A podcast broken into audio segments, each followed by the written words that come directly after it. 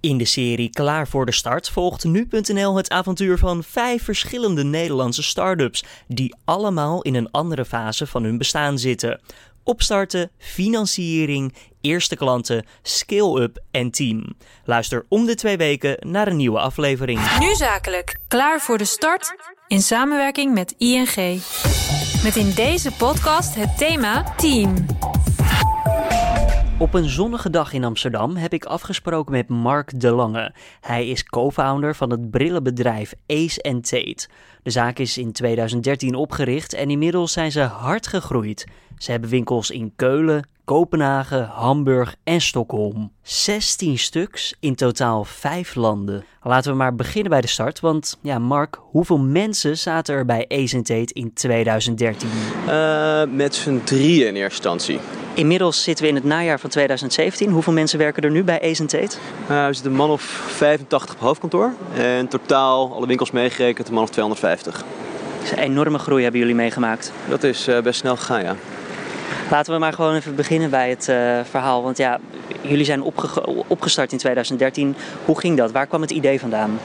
Het idee was eigenlijk eigen, eigen noodzaak. Dus ik draag een bril, dat uh, zie jij, maar dat zien anderen op dit moment niet. Ja. en eigenlijk werd ik geconfronteerd met een vrij intra intransparante industrie. Het was niet helemaal duidelijk waarom ik zoveel geld betaalde voor een bril. En daarnaast viel me op dat ik de keuze had tussen of een minder mooi product uh, tegen een lager kwaliteitsniveau en een lager serviceniveau met een lage prijs. Of uh, een wat duurder product, eigenlijk veel duurder product, in Nederland gemiddeld 400 euro. Brillen zijn ontzettend duur. Ja, uh, wat dan wel wat mooier was, wat hoger kwaliteitsniveau had en ook nog eens een betere, betere serviceervaring. En ik begreep niet helemaal waarom het midden niet bestond. En het midden, daar dacht jij dus van, nou daar wil ik dan inspringen? We dachten, dat, uh, dat gaan wij doen.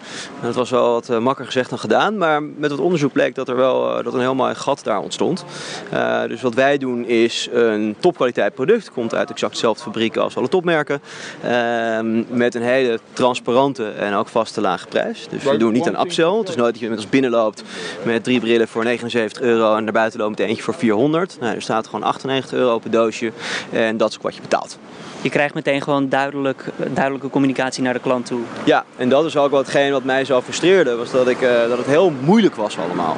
Er werd heel ingewikkeld over gedaan. Terwijl een bril is natuurlijk al eigenlijk heel lang uh, in de basis hetzelfde product. Het is niet super innovatief, het is niet super moeilijk om te maken. Uh, maar er hangt een zweem van moeilijkheid en mystiek omheen. En dat probeerden wij te doorbreken. Is dat gelukt als je nu terugkijkt? Uh, ik denk dat we een heel eind, uh, heel eind komen inmiddels. Uh, als we kijken naar de, naar, de, naar de ervaringen en de reacties van onze klanten, die dus veel vaker bij ons terugkomen dan in de brillenwereld gewoon is, eh, dan durf ik een voorzichtig ja op dit moment te antwoorden. Samen met Mark loop ik over de Herengracht in Amsterdam onderweg naar één van zijn winkels. Ik vraag hem of de zaak dan ook een beetje voelt alsof het zijn kind is. ja, zo voelt het wel een beetje. Ja. We lopen nu naar onze eerste winkel op de Huidenstraat. Daar begon het allemaal mee? Nee, nee, onze eerste winkel openden we twee jaar geleden. Uh, zomer 2015. Dus toen waren we ook al twee jaar onderweg. Uh, maar dit kwam langs en we dachten deze kans kunnen we niet laten liggen. En dat is zo goed gegaan dat we inmiddels uh, 16 winkels open hebben. 16 hè? En niet alleen in Nederland dus, maar ook in andere landen? Correct. We zitten nu in Nederland, Duitsland, Engeland, Denemarken en Zweden. Hoe belangrijk is het aan het begin dat je groeit met een start-up? Want weet je, het idee heb je, vervolgens ga je dat ontwikkelen en dan ja, moet het natuurlijk groter worden en verder komen. Um, ik, denk dat, ik weet precies wat de definitie is van een start-up, maar voor mij is een start-up een bedrijf wat, uh, wat gericht is op groei. Wat heel erg uh, ingericht is. En ook vaak zijn start-ups verlieslatend in eerste instantie. Nou, om dat te financieren haal je vaak extern kapitaal aan. Uh, en om externe kapitaal aan te trekken, uh, moet je wel groei laten zien. Dus ik denk dat het voor, voor start-ups als de onze echt van levensbelang is dat je blijft groeien. En hoe snel moet die groei dan zijn?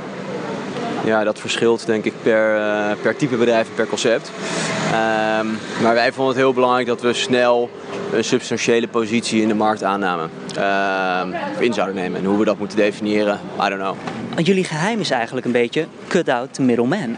Ja, correct. Um, dus er zit eigenlijk niemand tussen Ace Tate en de consument. Dus er hoeft ook geen extra marge tussen. En daardoor kunnen wij dus een heel mooi product met een, heel goede kwaliteit aanbieden tegen een hele vaste lage prijs. Is dat vol te houden op den duur? Hoe groter en groter je wordt? Ja, we hebben natuurlijk goed gekeken naar wat wij wel nodig hebben om onze business op te draaien. Uh, en dat is ook wat wij, uh, wat wij verdienen op iedere bril die we verkopen. Ace Tate houdt het dus klein en dichtbij. Maar als we kijken naar de grote brillenmerken, dan gaat het geld alle kanten op. Er is zoveel om te betalen. Er zijn allemaal kleine tandwielen in het grote systeem. Waarom werkt dat systeem dan toch? Ik denk dat het heel erg te maken heeft met uh, intransparantie in de markt, weinig informatie bij de consument. Uh, maar men begint nu te zien dat het ook op andere manieren kan. En daarom denk ik dat uh, het model wat jij schetst, het oude model, op lange termijn niet haalbaar, houdbaar is. Uh, ik denk dat wij onderdeel zijn van de nieuwe garde. Op dit moment zijn wij voor de grote bedrijven een luis in de pels. Uh, maar ik denk wel dat er een beweging op gang begint te komen. Dat zie je overigens ook voor andere producten. Uh, Zoals? Nou, in Amerika heb je een concept dat heet Everlane. Uh, maken hele mooie basic kleding. Uh, en die snoepen wat af van, uh, van, de, grote, van de grote winkelketens. nou ja, er zijn voor mij legio voorbeelden te noemen. ik denk dat de direct-to-consumer trend, zoals het genoemd wordt, met name ook door de opkomst van het internet, waarbij je direct zonder grote investeringen met je klant kan communiceren, dat dat absoluut heer te stay is. En dan blijf je tegelijkertijd ook trouw natuurlijk aan hoe je bent begonnen, aan die goede klantenbinding. Dus voor ons is customer service, klantenservice, altijd ontzettend belangrijk geweest. Uh, was onze eerste, eerste persoon die we aannamen was ook uh, hoofdklantervaring. Uh, en dat is altijd waar ons hele bedrijf omheen gebouwd wordt. Dus alles wat we doen, of dat nou on of offline is, we stellen de ervaring van de klant en de wens van de klant centraal. Daar bouwen we het omheen. Ik kan me voorstellen hoe groter je wordt, jij als co-founder, dan kom je eigenlijk steeds verder uh, ja, van, de, van, de, van de grond te staan. Niet zozeer dat je gaat zweven, maar je komt verder van de mensen af te staan. Is dat een probleem? Is dat moeilijk? Of zeg je, nou, dat zie ik anders? Nou, het is wel iets waar, uh, waar ik aan heb moeten wennen. Dat ik niet meer aan iedere knop kon draaien dagelijks. Maar ik denk dat dat een ontwikkeling is die je gedwongen bent om, uh, om door te maken. Uh, het is niet altijd, altijd leuk of makkelijk. Uh, maar ik heb nu het vertrouwen in de mensen om mij heen. dat die de deelgebieden waar zij verantwoordelijk zijn veel beter kunnen dan ik. Jij zoekt de juiste mensen om je team weer aan te sturen? Ja, correct. Is dat een moeilijke taak? Het is een stukje vertrouwen wat je uit handen geeft natuurlijk. Ja, ik vind het, uh, ik vind het heel moeilijk om controle op te geven. Uh, ik vind het heel moeilijk om andere mensen vertrouwen te geven. Ik heb toch altijd, met name altijd gehad, dat ik dacht dat ik het zelf toch beter kon.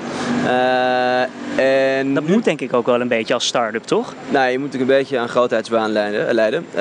maar inmiddels realiseer ik me wel dat de mensen die wij bij ECT hebben zitten... eigenlijk stuk voor stuk dingen beter kunnen dan ik dat zelf zou kunnen. dus dan wordt het steeds, steeds minder moeilijk om vertrouwen te geven.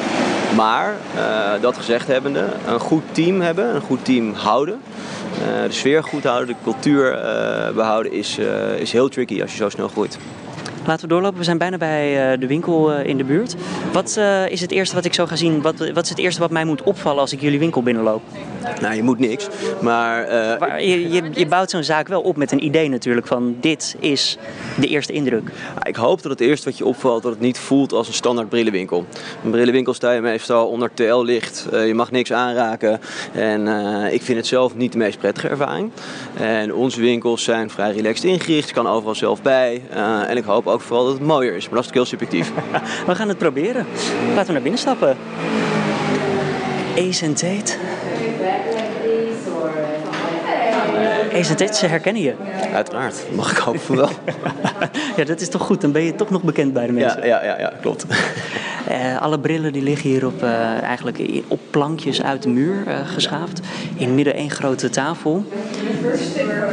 Het, het, het, voelt lekker, bijna knusachtig. Meer huiskamergevoel, meer, meer, je, voelt, je voelt je hier vrij, denk ik. Nou, ik hoop dat het wel een opgeruimde, schone huiskamer betreft. Maar dat zeker. Ja. Maar inderdaad, dat is het idee. Het idee is dat je alles gewoon kan pakken. En dat je zelf kan rondlopen met een bril, dat je zelf even een paar kan aanproberen. Veel spiegels. En als je uiteraard advies of extra service wil, loopt onze, uh, lopen onze medewerkers hier gewoon rond om je te helpen. Maar het idee is vooral dat je gewoon zelf kan interacteren met het product. In plaats van je alles moet aanwijzen en dan moeilijk een kastje open. En dan krijg je het, het wordt heel plechtig gedaan. Het is gewoon een gebruiksvoorwerp. Zo praat ik verder met Mark de Lange over zijn eigen brillencollectie. En ik vraag even rond bij de mensen wat hen nou naar Ace Tate brengt. Nu een bijdrage van ING. Er zijn weer Martijn Bekking hier met Christian Valk. Uh, de laatste podcast alweer die we wederom bij Hotel Champ opnemen. Dankjewel Martijn. Leuk uh, om deze serie te doen en om te mogen eindigen met zo'n fantastisch bedrijf uh, als Ace Tate. We hoorden net uh, Ace Tate praten over team. Hoe belangrijk is team voor het succes van een bedrijf? Enorm belangrijk. Het zijn de mensen die het verschil maken.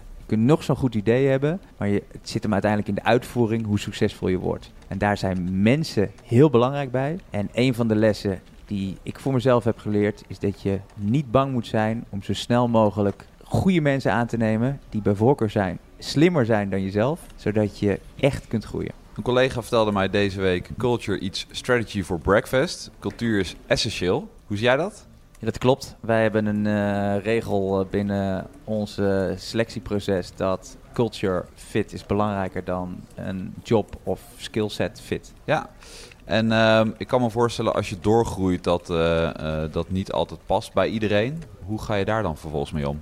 Cultuur ontwikkelt zich ook over tijd. Naarmate een bedrijf verschillende groeifasen doorgaat, is er ook een andere cultuur en misschien ook wel attitude, skillset nodig van mensen dan in eerdere fasen. Ja.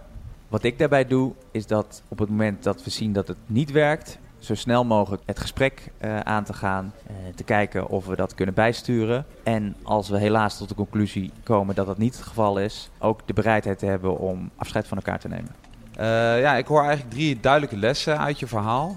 Um, les 1 is: team is essentieel voor het succes van je bedrijf. Tweede les is culture first, zoals je het zei. En de derde les is: als het op een gegeven moment niet meer zo goed past, ook een keuze durven te maken om in te grijpen. Ja, dat was hem dan, de laatste podcast. Uh, Christian Valk, ik wil je heel erg bedanken voor alle wijze lessen die je hebt gedeeld met ons. Graag gedaan, Martijn. Ik vond het zelf leuk om te doen. En, en voor ons is het ook heel leerzaam om toch een kijkje in de keuken bij andere bedrijven te hebben. Wil je meer weten van Hotel Champ en de tips van Christian teruglezen? Kijk dan op ing.nl/slash startups onder tips en tooling.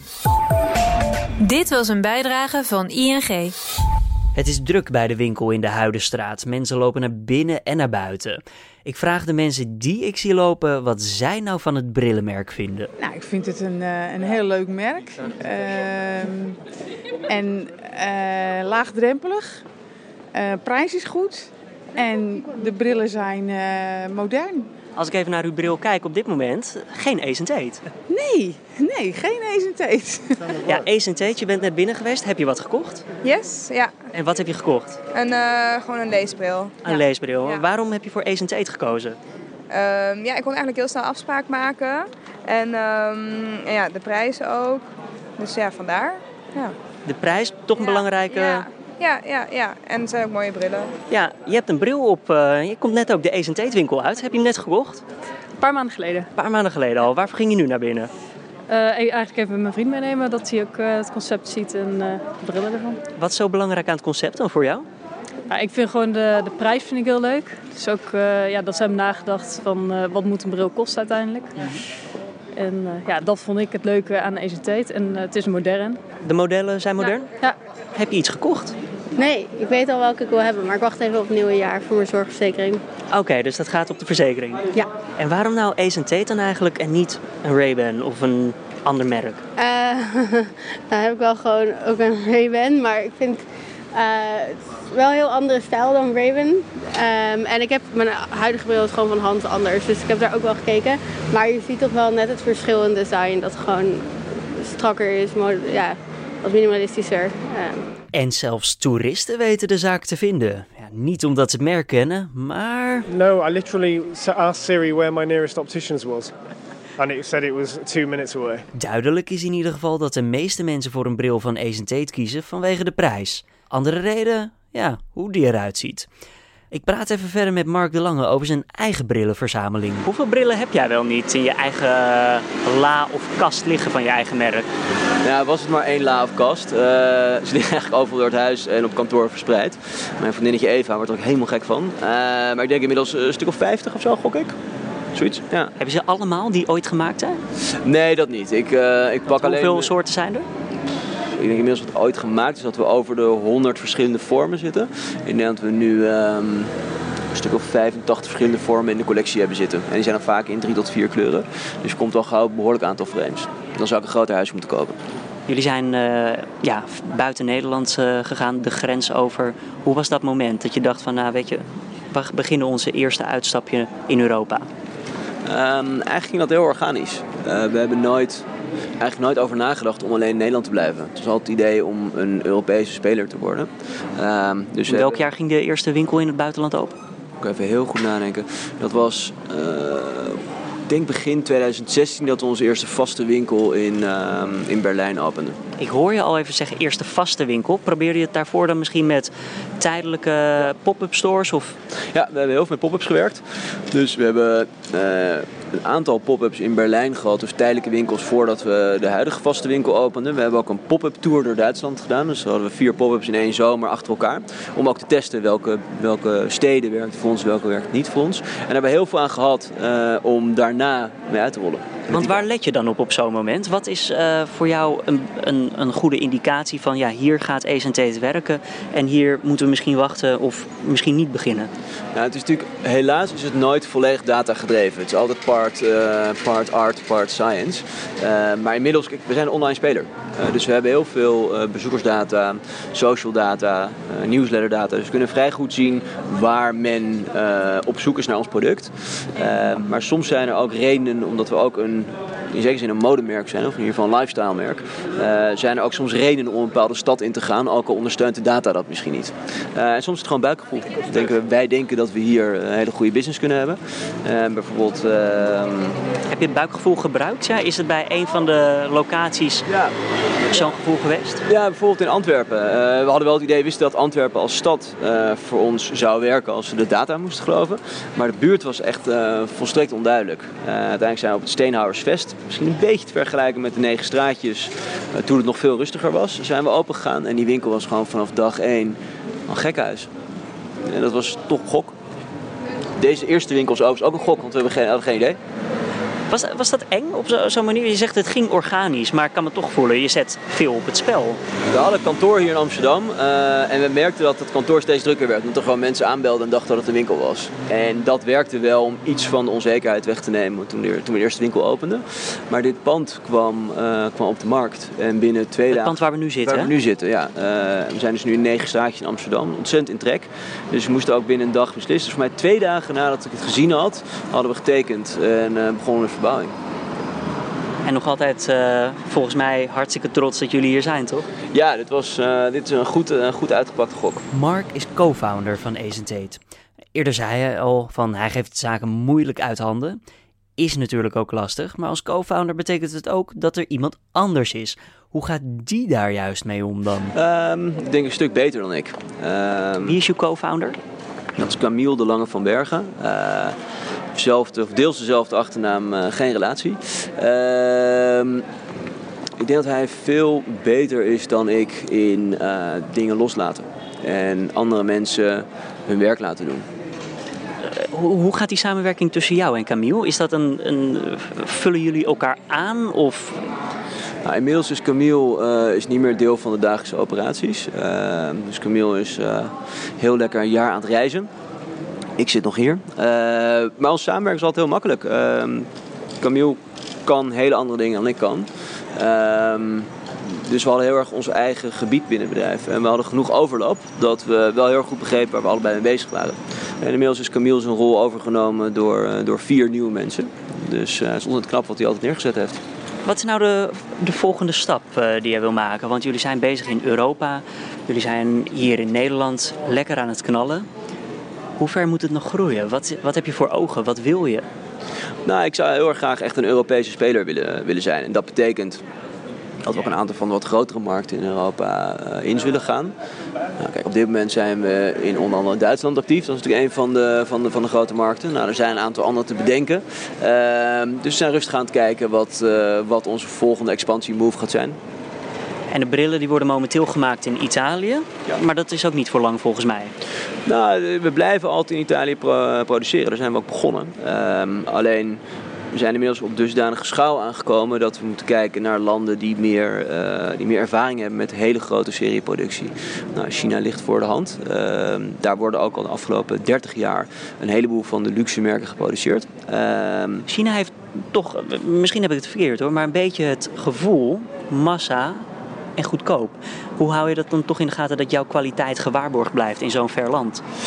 Ik denk dat het heel erg, um, er heel erg aan ligt of je huiswerk goed doet. Kijk, er zijn sowieso meerdere China's. Uh, het is een heel groot verschil of jij in Shenzhen produceert, waar luxe merken zitten, of in Wenzhou, waar de goedkopere dingen geproduceerd worden. Uh, wij hebben voornamelijk gekeken naar goede productkwaliteit, uh, goede arbeidsomstandigheden en hoe de fabrieken nadachten over, uh, over, het, over het milieu. Uh, daar zijn we anderhalf jaar mee bezig geweest. Ehm, en prijs was daar niet de fundamentele overweging. Als je in de beterfabrieken produceert, is het ook niet heel veel goedkoper dan Italië. Voor ons gaat het altijd heel erg om dat we op grotere schaal dezelfde kwaliteit kunnen bieden die de klant van ons gewend is. Nou, wat interessant is, als je de, discussie volgt over uh, Europese versus Chinese productie of andere landen productie, um, is dat deze vaak gevoerd wordt door mensen die zelf, nooit zelf in een fabriek zijn geweest. Want ik heb legio Italiaanse fabrieken gezien die uh, lang niet zo fris waren als de fabrieken die we in China gezien hebben. Voor ons is het heel erg belangrijk dat we altijd met de beste partners werken. Dus we produceren onze frames in Italië, ook in China. Onze glazen worden ingezet in Nederland. Uh, maar uiteindelijk is voor ons de devies werk gewoon met de allerbeste partner.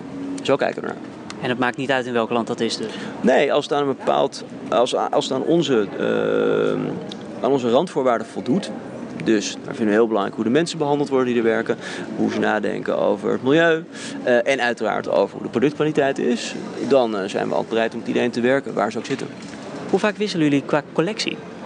Um, nou, eigenlijk zijn we wat dat niet een, een, een modemerk die de modekalender volgt. Wat we eigenlijk doen is doorlopend komen met nieuwe dingen. Dus natuurlijk hebben we in de zomer hebben we zonnebrillen en in de winter hebben we minder zonnebrillen. Um, we komen zo één keer in de vier tot zes weken met iets nieuws. En soms zijn dat één of twee nieuwe frames. Soms is het, uh, zijn het aantal nieuwe kleuren van bestaande frames. En soms is het een, echt een collectietje waar we zes tot acht nieuwe frames introduceren. Ik hoor hier ook weer een beetje van jullie doen gewoon je eigen ding. Je let niet op wat de grote doen, althans niet in de normale zin van het woord. Je, je doet je eigen ding en je bent er wel tevreden mee. En zo gaat het goed. Jullie geloven in jullie zelf. Nou, ik twijfel ook genoeg aan mezelf. Um, maar ik, ik, ben wel trots op wat we, wat we nu doen en de reacties die we daarop krijgen. Um, en we proberen inderdaad te doen waarvan wij denken, waarvan we horen dat de consument dat wil. En wat die andere brillenbedrijven doen, dat interesseert me eigenlijk heel weinig. Maar waar zit die twijfel dan toch af en toe in?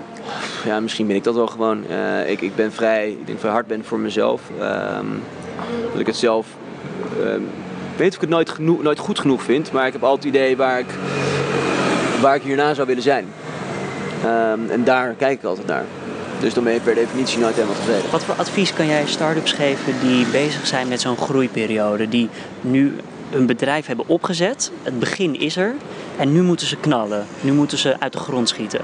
Ja, ik vind het heel moeilijk om advies te geven, want ik vind het altijd vrij. Um, ik ben niet arrogant genoeg, denk ik, om uh, te vinden dat ik nu al advies kan geven. Ik ben zelf vier jaar bezig en ik maak nog een heleboel fouten. En wij als bedrijf maken ook nog allerlei fouten. Maar jullie zitten wel al in het buitenland. Jullie zijn in vier jaar ontzettend ver gekomen.